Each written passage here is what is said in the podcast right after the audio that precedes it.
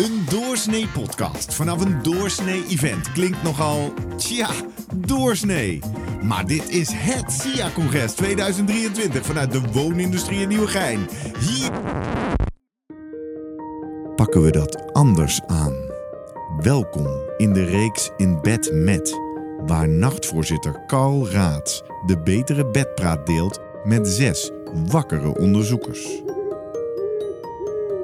Dit wordt een kwartiertje lekker uitrekken met Rijntjan Renes. Ik wil wel, Rentjas, even lekker uitrekken, dat kan wel. Ja, lijkt me wel lekker. Het is een heel gave gesprek geweest, want dit is een serie van zes gesprekken. En eh, zoals wij ze hebben opgenomen, is dit de zesde, maar mensen luisteren in de volgorde die ze willen. Ja. Maar wat ik hier lees, Rijnt Jan is lector psychologie voor een duurzame stad. Daar heb je me al. Ja. Eh, hel- help me even, psychologie, dat snap je nog een beetje, denk ik. Maar psychologie voor een duurzame stad. Kan je me even daarin meenemen wat ik me daarbij mag voorstellen? Ehm, nou, ik ga ervan uit dat je wel weet dat er rondom klimaat het een en ander speelt. Ja. Ja, nou, we hebben ook hele duidelijke klimaatdoelen gesteld. En eh, die klimaatdoelen komen er niet vanzelf. Daar zullen ook eh, mensen van alles eh, voor moeten gaan doen. En Dat, dat, dat, wij kijken dan bijvoorbeeld met mijn onderzoeksgroep naar, nou ja, rondom wonen moet er van alles gebeuren. Niet alleen alternatieve energiebronnen die we moeten gaan accepteren, van warmtepomp tot windturbines, maar ook als het gaat om mobiliteit. Ben ik bereid om mijn auto weg te gaan doen? Eh, ook eten, dat noemen wij dan de eiwittransitie. Ben ik bereid om minder vlees te eten? Ja. Minder zuivel? Nou, al die vraagstukken, daar eh, kijken wij met mijn onderzoeksgroep naar. Die kende je nog, de eiwittransitie. Ja. Vanaf nu bij Scrabble, op driemaal woordwaarde. Jongens, dat is kassa. Ja. De- jawel, eiwittransitie is een woord. Eh, maar het speelt wel. Dus, en dan mag je dan vanuit de psychologie iets mee gaan doen. Dus Ja. niet zozeer vanuit de techniciteit Nee. van, van die, die transities, maar vanuit de psychologie ervan. Ja, ja, wat je eigenlijk ziet is dat het natuurlijk heel lang wel echt een technisch vraagstuk geweest is. Ja. En dat is het natuurlijk nog steeds. We hebben heel veel nieuwe technologieën nodig. Maar wat we eigenlijk merken, en dat- dat, dat merk ik niet alleen, maar dat, dat het nu eigenlijk vooral lijkt te stokken op de acceptatie ervan. Je binnen technologie heb je het wel eens over technological readiness. Dat betekent dat een technologie helemaal implementeerbaar is. Dat, dat, die, die, ja, die doet wat die moet doen. Maar je ziet dat binnen aan de sociale kant hebben we het wel eens over societal readiness. Zijn we als samenleving wel klaar voor een duurzaam leven? Is dat zo'n beetje zoals, ik weet niet of jullie die nog kenden, dat is zo'n clipje een tijd lang rondgegaan van hoe er in de jaren 90 werd gekeken naar mobiele telefoons. Ja. En de mensen zeiden van nee, de, mobiele telefoon, ik heb toch een telefoon. En dan schrijven ze maar een brief als ze mij willen hebben. Ja. En daar lachen we niet mee. Ja. Maar is het... Is het Ja, ik vind het een heel goed voorbeeld. Het is ook een beetje wat je wat met de. Dat kun je ook bijna niet meer voorstellen, maar eind jaren 70 kwam de autogordel. Nou, dat vonden mensen echt betutteling ten top. Ja, Hoezo? twe- Ik- ik tweede spiegel. Ja, dat soort helemaal nergens op. Ja. zeiden ze. Nou, en en ik, ik, ik eh, vergelijk het ook eens als we nu Willem-Alexander zouden zien roken, zouden we dat heel gek vinden. Maar dat hij gewoon vlees eet en dat hij gewoon eh, veel vliegt, dat vinden we nog heel normaal. Maar dat is eigenlijk waar we eigenlijk naartoe. Voor jou, misschien voor jou als Belg, Willem-Alexander, Nee, onze koning. dat- is nee, nee, even- nee, ik, zit, ik, Ja. ik ben een beelddenker, dus ik zie gewoon die brave man zo even zo, oh, even drukke dag, even saffie. Ja, Oh, lekker. ja, maar dat kan dus niet meer. En ook Nee. docenten voor de klas die aan het roken vinden we ook heel erg raar. Als ik dat aan mijn studenten vertel, dat het in mijn tijd gewoon zo was. Dat Oh ja. het een enkel probleem was. En dat we Ja, ook, als we naar Frankrijk gingen met een klein dafje met mijn ouders, dat iedereen in die auto aan het roken was, alleen ik niet, maar als kind. Maar je raakt het aan, hè? Het gevoel van er mag niks meer. En dan mag jij psycholoog even aan gaan staan om dat, om dat heel anders te gaan, ja, ik moet zeggen, eh, reframen? Is het dat? Het is een deel reframen, maar het gaat ook wel echt over eh, hoe kunnen we, ja, wat, wat is er nodig voor mensen om los te komen van die status quo? We noemen dat echt wel een beetje de status quo. Datgene wat wij gewoon vinden, wat wij eh, normaal vinden, waar we helemaal niet eens over nadenken. Nou, wat is er nou voor nodig? Precies wat je zegt, zonder dat mensen meteen het als verlies ervaren. Maar dat ze eigenlijk zeggen, ah ja, ik, ik vind het eigenlijk misschien ook wel heel prettig. Want dat is natuurlijk wel interessant, hè? Als je gewoon aan mensen vraagt, vind je dit een belangrijk thema? Ja, er is bijna inmiddels 80% zeggen, ja, ik vind het een heel belangrijk thema. Maak je er ook wel eens zorgen over? Zegt een grote groep, Mhm. zegt rond de 70%, ik maak me daar in ieder geval gedeeltelijk zorgen over. En, en dan die vertaling, kan je dat ook vertalen naar, hey, en wat ga ik daar nou zelf in doen? Ja. Ja, dat is als je op het moment dat je ook die vertaling gaat maken, dat laten studies ook heel mooi zien, op het moment dat je die vertaling gaat maken, ik ga er ook wat voor doen, dan voelt het ook eigenlijk meteen heel goed. Wat, wat ben ik wel benieuwd naar? Ik, ik sla, het is een beetje boetade. Het is, het is Ja. ook platgeslagen. Maar ehm, hoe herken je een veganist? Ja, omdat hij dat binnen de 10 seconden zelf aan jou vertelt dat hij dat is. Hè? Ja. En, en dat is nu voor, een beetje veranderd, maar in het begin, dat waren geen leuke mensen, joh. Is dat zo? Ja, die, die keken een steek uit je bord. En, en meteen van, ah, is een maar we hebben nu samen een gesprek. Wat is jouw ervaring tot dusver? Nou, de, de grap is, dat is veranderd. Ik dat, eet geen vlees. Hè? dat, is, dat is Ja. stilaan veranderd. Maar in het begin waren mensen blijkbaar dachten dat ze de ander gingen overtuigen door die te wijzen op het feit dat dit echt Ja. allemaal niet meer kan. En dat je, dat je betutteld werd, of dat mensen voelden dat zo aan, of Ja. op je vingers getikt. Voor iets wat gisteren absoluut geen probleem was. En nu heb jij blijkbaar het morele overwicht en ga jij mij vertellen dat ik mijn leven moet gaan leiden. Hallo. Waardoor de weerstand nog eens Ja. groter Het is wordt. wel heel goed. Nou, het is wel interessant dat je dat noemt. Dat die onderliggende morele superioriteit, die is er altijd. Op het moment dat ik tegen iemand eh, zeg, joh, het zou misschien beter zijn om wat minder vlees te eten, dat kan ik nog zo vriendelijk zeggen. Die ander voelt toch dat hij blijkbaar al jarenlang iets heel slechts doet. Ja. Dus dat is ook wel- aangevallen wordt. Hè? Ja, sowieso. Zelfs als je het niet bedoelt, voel je je toch aangevallen voor datgene waarvan je niet wist dat dat misschien niet zo goed was. En dat is ook al, nou dat is precies dit soort elementen, daar kijken wij ook naar. Hoe zorg je nou voor dat mensen eh, heel langzamerhand ergens ook wel zeggen, oké, ik wil in ieder geval over nadenken.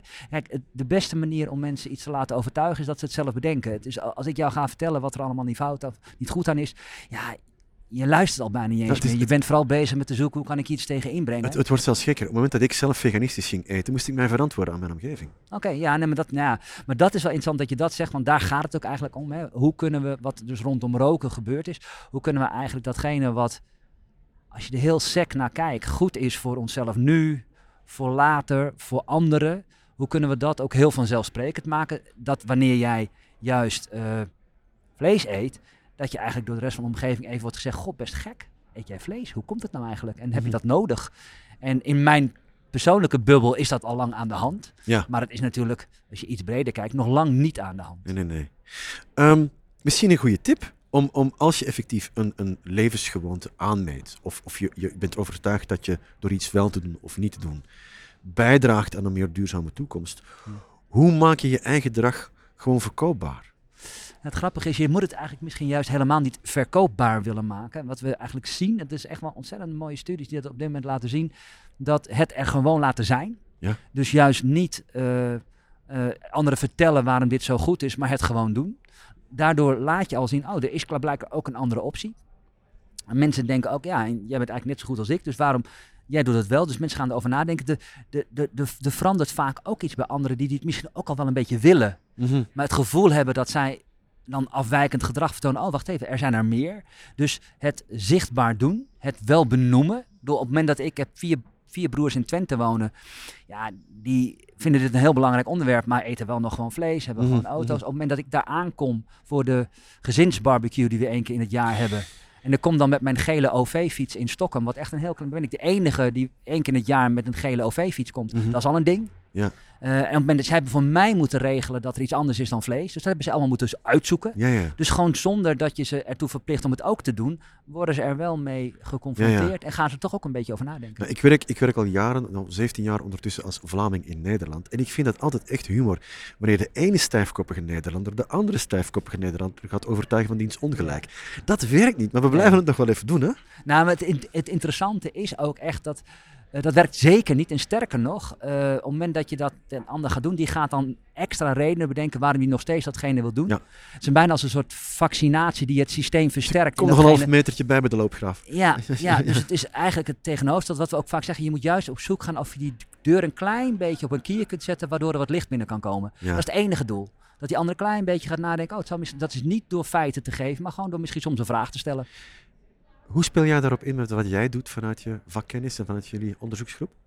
En wat bedoel je dan met waar speel ik op? Ja, dat dat licht kan binnenkomen. Want het, het, het, Ja. het, het klinkt ook als van, geef het tijd. Mensen ja, dat is een hele spannende. komen. Ja. Versus, jongens, het moest gisteren al geregeld zijn. Nou, weet je, het fijne is wel dat ik het gelukkig eh, met mijn groep en mezelf niet als enige dit probleem hoef op te lossen. Wat we eigenlijk, wat wij vaak doen, is heel specifiek inzoomen per vraagstuk. Wat speelt hier? En, en wij noemen dat ook, eens, wij zoeken naar de psychologische constitutie van dat vraagstuk. Dus als het gaat om windturbines, dus een totaal onvergelijkbaar vraagstuk als plantaardig eten. Dus we gaan Ja. uitzoeken wat speelt hier. En in sommige gevallen is die norm al lang. Hè, kijk naar de warmtepomp. En de norm is Mhm. inmiddels echt wel dat het oké is. Alleen de vraag is een beetje, ja, kan ik het nog wel betalen? Dus komen de andere elementen. Dus eh, vanuit onszelf, wij, wij, kijken daar, eh, wij spelen daarop in door te kijken waar zit mogelijk een element in dat vraagstuk waar we ook daadwerkelijk een aanpassing moeten maken. En dat is eh, bijna nooit door mensen nog wat extra feiten te geven. Ze overtuigen met feiten. Het- wil dat zeggen dat je echt naar de gevoelslaag moet? Naar, Ook. Naar, o- ook. Ook, want het is niet het enige. Hè? Want dat is Ja. ook, we onderschatten vaak. eh, kijk, vaak wordt er gezegd, ja, maar mensen handelen alleen maar vanuit hun gevoel of een soort Ja. onbewuste. Dat deel is er. Laat, dat, ja. laat dat duidelijk. Kunnen we ook niet uitzetten. Mhm. Dus daar moet je rekening mee houden. Maar wij zijn gelukkig ook nog steeds wel mensen die ook heel graag vanuit onze waarden keuzes willen maken. En we zijn ook wel mensen die op het moment dat we voelen, ah, dat is misschien ook wel heel erg verstandig, ook wel bereid zijn om daar soms moeite voor te doen. Mhm. Het is alleen hoe je dat goed in kaart brengt en wat dan op al die elementen nodig is om ze ook daadwerkelijk daarin te helpen of te ondersteunen of ze een extra duwtje te geven. Nou, dat is wat we dan uitzoeken en daar ook proberen om dan. Dat Ja. hebben jullie blijkbaar zo goed voor elkaar gekregen en ook jezelf zo op de kaart gezet dat je zowaar een Delta-premie hebt gescoord. Ja.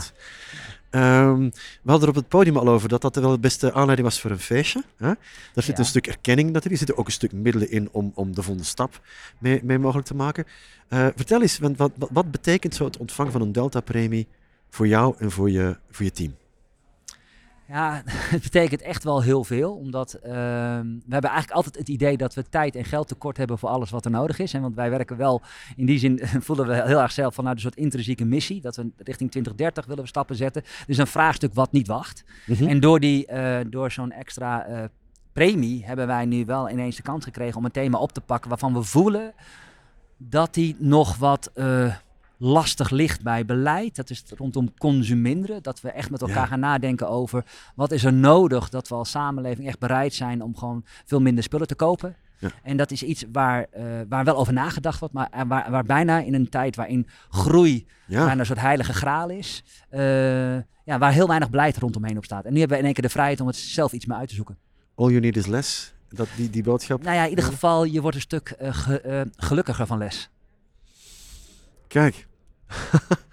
ja, ik, ik, ik vond heel mooi. Ook ja, de andere win, winnares in dit geval. Van, van, Janine. Sh- Janine, ja. Ja. Van eh, de Delta Premie. Ja, je zag echt gewoon een mentale boost. Van blijkbaar zijn we met de juiste dingen bezig. Ja. En op de juiste manier. Ehm, in jouw geval las ik ook nog in de voorbereiding, en dat heb ik niet geschreven, van dat er ook een lekker activistisch kantje aan jou zit. Eh, en hoe- waar is dat vandaan gekomen? Nou ja, het is grappig dat je het activistisch noemt. Ik, wij zijn wel heel erg actiegericht, dus we willen wel iets voor elkaar krijgen. En wat je ziet is, omdat dit natuurlijk een, wat je zou zeggen, een beetje een politiek ongetemd vraagstuk is, Ja, dan wordt het al snel activistisch. Het, het, het, wat mij altijd heel erg geruststelt, is dat ik eh, gewoon eh, luister naar de andere collega-wetenschappers. Dat zijn de klimaatwetenschappers. En die vertellen mij waar we staan. En denk, oké, dan pak ik jullie opdracht op en dan gaan we daarmee verder. Ja, dat kan soms als activistisch Ja. opgepakt worden. Ik zal, ik zal een, een quoteje voor die ik meegekregen heb. van, eh, ja, ja. Hij, hij vindt ook dat onderzoekers zich net iets meer mogen inzetten en dan enkel het genereren van kennis. Hè. Als het huis in de fik staat, moet je niet de temperatuur gaan meten, maar meehelpen te blussen, zou jij gezegd hebben. Ja, ja, En, dat en klopt. en daarin ligt de bewijsvoering van degene die dit heeft voorbereid. dat jij Nou, een het activistisch is- kantje ja, hebt. nou, het is interessant omdat je wat je ziet. En, nou, wij werken met heel veel klimaatwetenschappers, met KNMI samen. En we hebben heel veel gesprekken hierover. Kijk, het, het gaat uiteindelijk om dat op het moment dat je alleen maar de hitte meet. Dan, eh, ja, dan is op zich eh, het vuur nog niet geblust. Dus de vraag is wel van, ja, wat heb je dan nodig om als je het probleem ziet? En daarin, ja, dat is gelukkig ook, dat is weer het fijne van een soort onderzoeksgroep die ik heb. Wij zijn gedragswetenschappers. Dus wij mogen ook in onze opdrachten hè, dus zeggen, ja, maar je wil gedrag veranderen. Dus dan gaan wij ook kijken wat daarvoor nodig is. Ja, en dat wordt dan wel soms geïnterpreteerd als activistisch, omdat wij bijna altijd aan de status quo tornen. Eén heel klein voorbeeld. We hebben twee weken geleden aan de Tweede Kamer advies aangeboden met een hele grote groep gedragswetenschappers in een samenwerkingsproject met universiteiten ook, over eh, wat er met reclame moet gebeuren. Of dat niet reclame fossielvrij zou moeten zijn. Nou, dan zien we al, dan komen we uiteindelijk met een advies waarvan eigenlijk ook eh, het ministerie in de Tweede Kamer dacht, oh, we dachten, dat is wel heel heftig. Wij zijn namelijk, ja, het is essentieel Mm. een verbod op fossiele reclame te doen. En het is zelfs niet eens genoeg. Ja, dat kan als activistisch overkomen. Ja. Het is gewoon een conclusie van een Het is ook heel nieuw, want ondertussen, de rookvrije reclame kent iedereen ondertussen. Ja. Maar de fossiel, fossielvrije reclame. Ja. Eh, Weer een woord om een scrabbel te leggen. Eh, jongens, we gaan zo goed worden.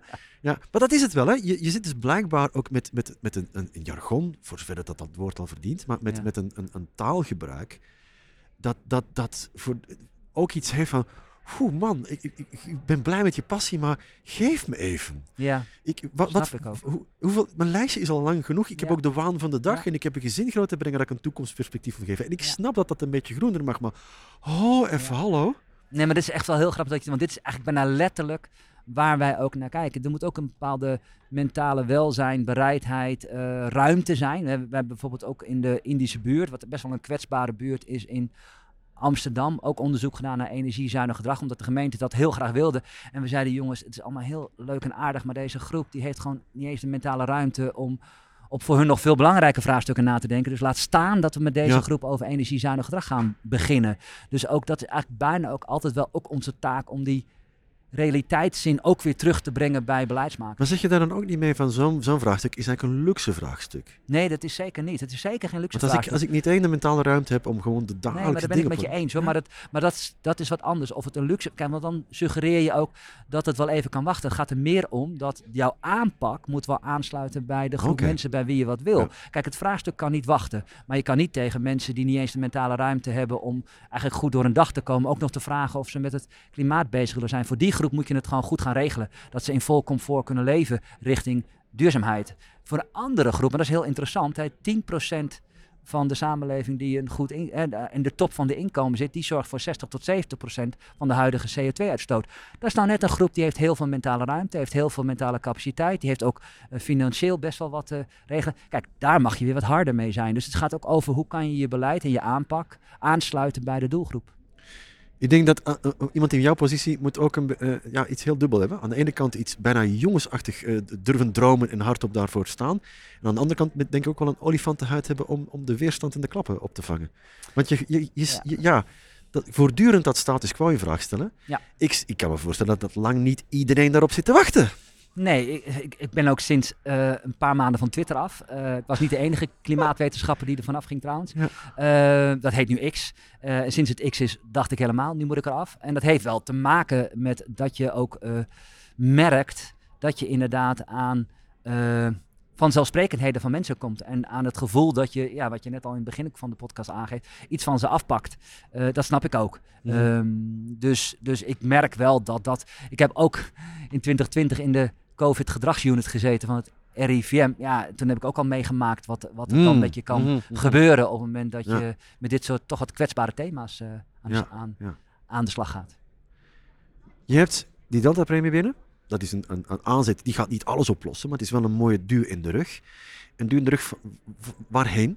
Wat, hoe gaat het er de komende tijd voor jou en, je, je vakgebied uitzien? Poeh, ja, ik vind het heel, eh, heel complex om in te schatten. Kijk, als ik eh, naar de meest, eh, meest, meest, meest kwetsbaren in mijn onderzoeksgroep kijk, die, die, die maken zich alleen maar zorgen. Ik heb nogal een, een intrinsiek gedreven onderzoeksgroep, dus, dus, dus, dus die zijn alleen maar bezig met, nou ja, eh, als we maar een soort damage control. En eh, dus dat, dan, dan, dan, waar gaat het dan heen, is dat we proberen om... eh, nou ja, om alle schade die er mogelijk op het afkomt, in ieder geval te beperken. Als ik het positief bekijk, en ik zit zelf iets meer in een glas half vol wereld, dan denk ik, dan, dan, dan, dan wat ik hoop is dat we, wat met, eigenlijk met roken op een bepaald moment ook is gebeurd, dat we in het, bijna in een soort, ja, wat we noemen social tipping point, Ja. misschien weer een nieuw, een nieuw woord, dat weet ik niet helemaal zeker, maar dat we, dat we eigenlijk een omslag in de samenleving gaan krijgen, gelijk aan roken, waarbij eh, we in één keer voelen dat dit zo vanzelfsprekend is. En dan zie je ook als dat gebeurt, dat het overal, over de hele linie,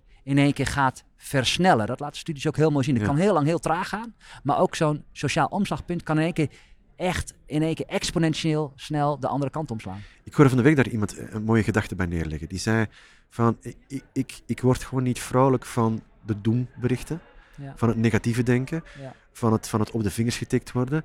Wat ik mis in dit verhaal is die I have a dream, dat gevoel. Ja.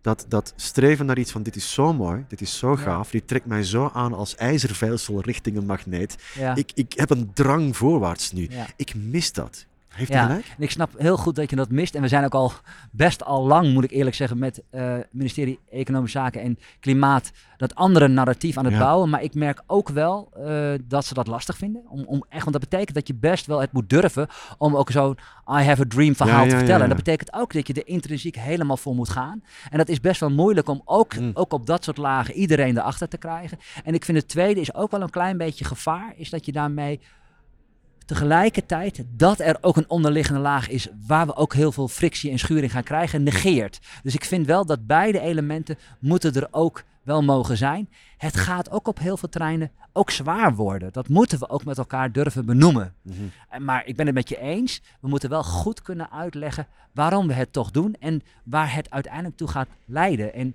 daar vind ik zelf, maar dat, dat is nog een laatste punt, die ik wel hier over wil, is dat we onderschatten soms de motivatie die ons drijft om iets goeds na te laten. Dat zit heel diep in ons. Ja. Dat noemen we ook legacy, Legacy. motivation. Ja, ja, ja. En, en ik denk dat we dat aspect soms onvoldoende aan weten te wakkeren bij mensen.